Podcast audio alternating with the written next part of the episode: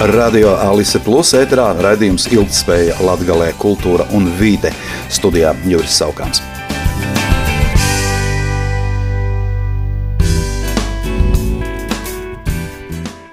Latvijā turpinās skandāls saistībā ar pasažieru pārvadātāju karteļa nodarījumiem. Saimas publisko izdevumu un revīzijas komisijas sēdē šodien sprieda, kā varētu atgūt zaudējumus, kurus nodarījusi uzņēmuma aizliegtā vienošanās par reģionālo autobusu pasažieru pārvadājumu iepirkumu. Uz šo sēdi bija aicināti konkurences padomes, autotransporta direkcijas, ekonomikas ministrijas, satiksmes ministrijas, tieslietu ministrijas, iepirkuma uzraudzības biroja un Latvijas pasažieru pārvadātāju asociācijas pārstāvji. Pašlaik gan Zaļo un Zemnieku savienība, gan progresīvie saimā ir iesnieguši priekšlikumus, kā valstī vajadzētu rēģēt, lai atgūtu zaudējumus, kurus nodarījusi šī uzņēmēju aizliegtā vienošanās. Kā tas jau iepriekš ir izskanējis daudzos informācijas avotos, konkurences padome ir secinājusi, ka akciju sabiedrība Liepājas autobusu parks, Nordeka un Latvijas sabiedriskais autobuss, lai iepirkumā iegūtu pakalpojumu sniegšanas tiesības maršrutos maksimāli pietuvināti noteiktajai robežai, proti 15 miljoniem kilometru gadā, savstarpēji apmainījās ar komerciālu sensitīvu informāciju ne tikai par lotu sadali, bet arī par dalības nosacījumiem iepirkumos, vienojoties piemēram par piedalīšanos vai nepiedalīšanos konkrētajā lotē, kā arī par piedalīšanās formu iepirkumos, proti individuāli vai veidojot apvienības.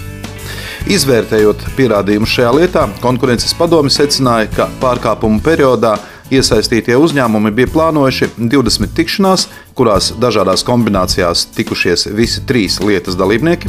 Turklāt, lai īstenotu vienošanās un nodrošinātu tās nepārtrauktību, informācijas apmaiņa starp lietas dalībniekiem tika sistemātiski aktualizēta, izmantojot ne tikai zvanus, e-pastus un īsiņu sarakstus, bet arī mobilās lietotnes WhatsApp, Telegram, kā arī mākoņu krātuvi Google Drive. Pārvadātāju kompānija Nordeka jau paziņojusi, ka konkurences padomes lēmumu par aizliegtu vienošanos uzskata par kļūdainu un plāno pārsūdzēt.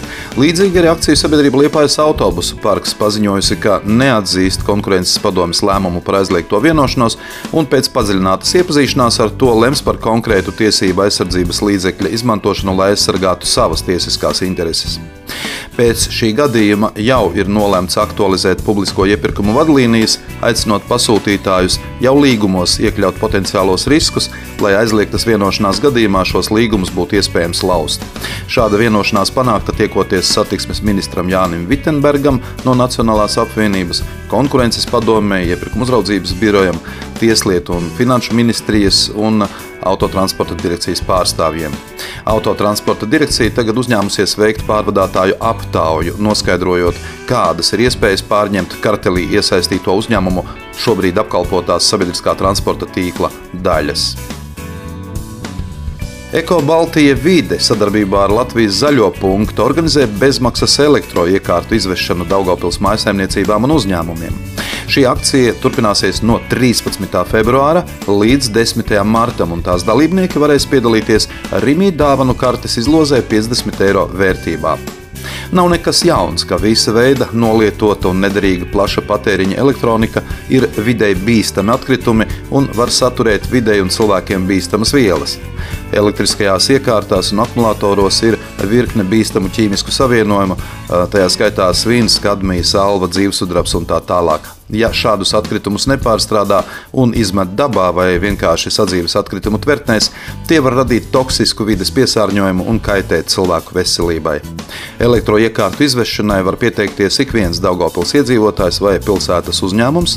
Visi pieteikumi, kas būs saņemti laikā no 13. februāra līdz 10. martam, ieskaitot, piedalīsies divu Rīgā dāvanu karšu izlozē. Pieteikšanās elektroiekārtu izvešanai paredzēta zvanot pa tālruņiem 87 717 vai 266 26 165. Tāpat ir iespēja rakstīt uz elektronisko pastu elektronika et ekobaltijavide.lv. Iesniedzot pieteikumu, jānorāda aptuvenais elektronikas vai elektrotehnikas iekārtu skaits un savākšanas punkta adrese. Akcijas ietvaros varēs izvest lielo sadzīves tehniku, tajā skaitā leduskapis, veļas mašīnas, plītis, trauku mazgājumās mašīnas un citas ierīces. Tāpat mazās elektroierīces, kā piemēram mikroviļņu krāsnis, blenderus, fēnus, virtuves kombinus un tā tālāk Kopā ar elektroniku var būt arī baterijas un akumulatori. Jāuzsver, ka cita veida atkritumi, piemēram, mēbeles, logi, durvis, toaletes podi un citi, netiks pieņemti. Jāņem vērā, ka bezmaksas elektroiekārtu izvešana tiks veikta no ēkas pirmā stāva, tādēļ izvešanas dienā iekārtas ir jāiznes uz ielas un jānovieto brīvi pieejamā vietā. Lai pieteiktos izņemšanai no konkrētas adreses, akcijas laikā no 13. februāra līdz 10. martam nododamo priekšmetu minimālajam kopējam svaram jābūt vismaz 20 kg. Eko Baltija vide un Latvijas zaļais punkts atgādina, ka pirmkārt veco elektroniku var nodot arī vairāk nekā 70 atkritumu šķirošanas vietās visā Latvijā. Otrkārt, mazo sadzīves tehniku un akumulatorus var nodot mazumtirdzniecības vietās, kur uzstādītas speciālas kastes.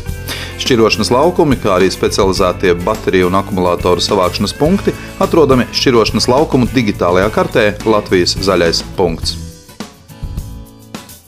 Informācijas portāls GoroDLV raksta, ka Saimas komisijas sēdē, kad tika izskatīts jautājums par no Rotko centra ekspozīcijas izņemtajiem Igaunijas autora keramikas darbiem, Daugopils pašvaldības pārstāvis paziņoja, ka plānots rīkot plašu diskusiju par laikmetīgo mākslu un ticības brīvību, uz kuru būtu aicinātas visas šajā konfliktā iesaistītās puses.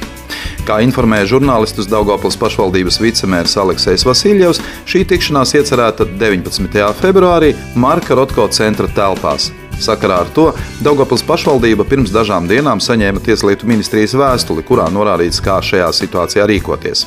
Vasiljeva kungs žurnālistiem teica tā: Izpētot situāciju, Tieslietu ministrija norādīja, ka viena cilvēka vārda brīvība ir cieši saistīta ar visu cilvēku vārda brīvību, un viena cilvēka brīvība beidzas tieši tur, kur sākas otra cilvēka brīvība. Tāpēc ir nepieciešams apsvērt šo situāciju, ņemot vērā mūsu iedzīvotāju viedokli. Turklāt pašvaldība var lemt, kā šajā situācijā rīkoties, bet tas, protams, ir jāpamato.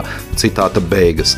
Tā kā sākoties diskusijai par diskutabliem izstādes eksponātiem, pašvaldība saņēma vēstules no reliģisko konfesiju un Nacionālo un kultūras biedrību pārstāvjiem, kā arī individuāli no iedzīvotājiem un citiem, tad tas arī būs pamats pašvaldības pozīcijai diskusijā. Tieslietu ministrija jau ir nonākusi pie secinājuma, ka pilsētas vadība neko sliktu nav izdarījusi. Tā sacīja pirmais vicemērs. Savukārt Čaika LV publiskojusi ziņu par to, ka 2017. gadā Daugopils pašvaldība no Latvijas Energo nopirka ēku kompleksu Ruģeļos, nometņu ielā 159, un bija paredzēts, ka perspektīvā tur tiks iekārtota sporta bāze bērniem. Pagājuši jau pieci gadi, taču ēka joprojām ir tukša. Šorīt Daugopils pilsētas domas preses konferencē Čaika žurnālisti mēģināja noskaidrot, vai un kā attiecībā uz šo objektu ir mainījušies domas plāni.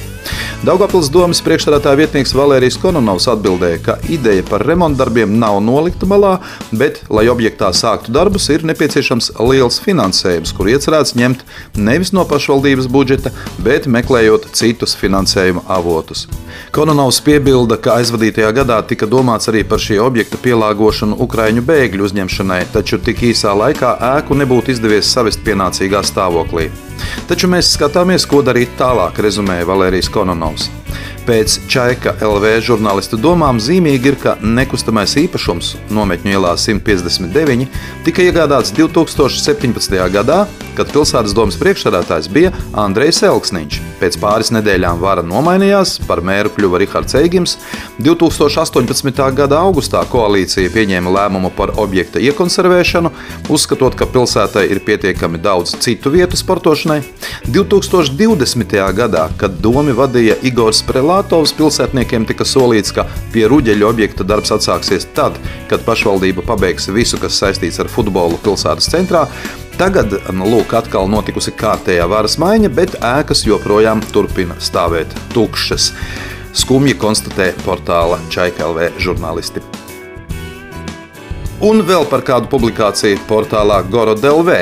Tajā atzīmēts, ka šogad, noslēdzoties pretendentu pieteikumu izvērtēšanai uz Latvijas kultūras gada balvu Boņuks 2022, starp pretendentiem ir arī Daugopils reģiona pārstāvji.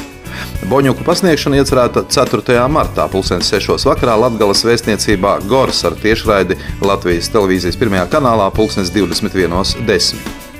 Šogad balvas par aktivitātēm, darbu un sasniegumiem latgaliskajā kultūrā tiks pasniegtas jau 15. reizi. Kultūras gada balvas mērķis ir apkopot labāko, spilgtāko un nozīmīgāko, kas paveikts eh, iepriekšējā gadā Latvijas kultūrā, godinot aktīvākos latviešu kultūras pārstāvjus, popularizētājus, kā arī veicinot un rosinot jaunradas un kultūras daudzveidības attīstību arī nākotnē. Boņuks 2022 eh, godinās par sasniegumiem un padarīto 2022. gadā. Par pretendentu vērtēšanas kritērijiem ir izvirzīta gan pretendenta snieguma kvalitāte, gan aktivitāte visa gada laikā un eh, reģionā, valstī vai plašākā mērogā izraisītā rezonance. Tādā veidā arī latgales kultūras vērtību nešana tautā, kā arī pretendenta ilgtspēja, proti spēja ietekmēt latgaliskos kultūras procesus arī nākotnē. Un tātad eh, starp Latvijas kultūras gada balvas Boņuks 2022 nominantiem ir iekļuvusi Danču grāmatiņa albums Latvijas Danči Ina tikai, eh, Daugopils teātra izrāde Spreidēts, Daugopils vienības nama tradīciju sāta, Eh, pirmais latviešu seriāls Fati arī zināmā mērā ir saistīts ar Daugopili un Daugopils novadu. Eh, šogad kopumā tika iesniegti 125 pretendentu pieteikumi, kurus izvērtēja žūrijas komisija. Tās sastāvā iekļaujot gan iepriekšējo gadu balvu saņēmējus, gan mediju pārstāvjus, eh, gan balvas rīkotāju pārstāvjus, latgaliskās kultūras sabiedriskos aktīvistus un attiecīgo sfēru ekspertus, kuru ikdiena nav saistīta ar latgalisko kultūru tieši. Žūrija iesniegtos pretendentus izvērtēja divās kārtās. Pirmā ir neklātienes kārtā, kurā tika izvērtēti visi iesniegtie pretendenti, bet otrā arī šogad ir attālinātā kārta, kurā žūrijas locekļi diskutē un izvērtē jau 30 nominantus. Jaunadēļ notiks seminārs Jākapils novada turisma attīstībai. Pasākums vietējā biznesa atbalsta dienā Jākapils novada turisma produktu attīstība notiks piekdien, 17. februārī no 11. līdz 6. Jākapils novada kūku pagasta viesunamā avotiņi. Pasākuma mērķis ir vietējo Jākapils novada turisma pakalpojumu stiprināšana un eksporta spējas veicināšana. Seminārā pašvaldība aicina piedalīties uzņēmējus, kam pieder kafejnīcas vai viesunāmi, gīdus, turisma pakalpojumu sniedzējus, amatniekus, mairažotājus, vēstures zinātājus, nevalstisko organizāciju pārstāvjus, kopienu aktīvistus un vienkārši interesantus. Pasākumu rīko Zemgales plānošanas reģions sadarbībā ar Jākapils novada turisma informācijas centru un Latvijas dabas turisma asociāciju. Pēc mēneša 10. martā, 2006. vakarā Daugopils kultūras pilī paredzēts Vjačeslava Mitrohina jubilejas koncerts, kurā piedalīsies arī Daugopils vienības nama profesionālais pūtēju orķestris Daugava Arnolda Grīnberta vadībā. Šī būs unikāla iespēja dzirdēt ģitāristu un komponista Vjačeslava Mitrohina virtuozo ģitāru spēli un savdabīgo vokālu. Koncertā skanēs blues, blues roks, rokenrols, dziesmas latviešu, angļu un krievu valodā, pasaules hīti, The Beatles, Creedence, cover versijas Raimonda Paula, Aivara Hermaņa darbi Vjačeslava Mitrohina aranžējumā un viņa paša autora dziesmas. Pasākuma organizatori ir Daugopils valsts pilsētas pašvaldības iestādes, kultūras pārvalde un vienības nams. Bet jau daudz tuvāk, 11. februārī, 2004. Daugopils vienības namā senioru deju kolektīvs atbalsts aicina uz tautas deju un mūzikas koncertu veltījumu horeogrāfam Ivaram Mironovam. Koncerta apmeklētājus priecēs vienības nama senioru deju kolektīvs atbalsts, Dāvja Greļevska vadībā, Ilūgstes kultūras un mākslas centra senioru deju kolektīvs Ozolzīles, Sandras Stašānis vadībā, Izvaltes pagasta senioru deju kolektīvs Šaltupe Ingas Leikumas vadībā, Ludzas kultūras nama senioru deju kolektīvs Atvasaras Armītes Stapulis vadībā, Daugopils vienības nama bērnu deju kolektīvs Pienupīte, vadītāja Inese Zuģitska un Daugopils vienības nama folkloras kopas Vātra, vadītāja Sarmīte Teivāne. Ieja šajā koncertā paredzēta bez maksas. Rēdījumi Ilgspēja Latvijā, kultūra un vide to par Sabiedrības integrācijas fonda atbalstu Radio Alisa Plus studijā bija Juris Saukāns.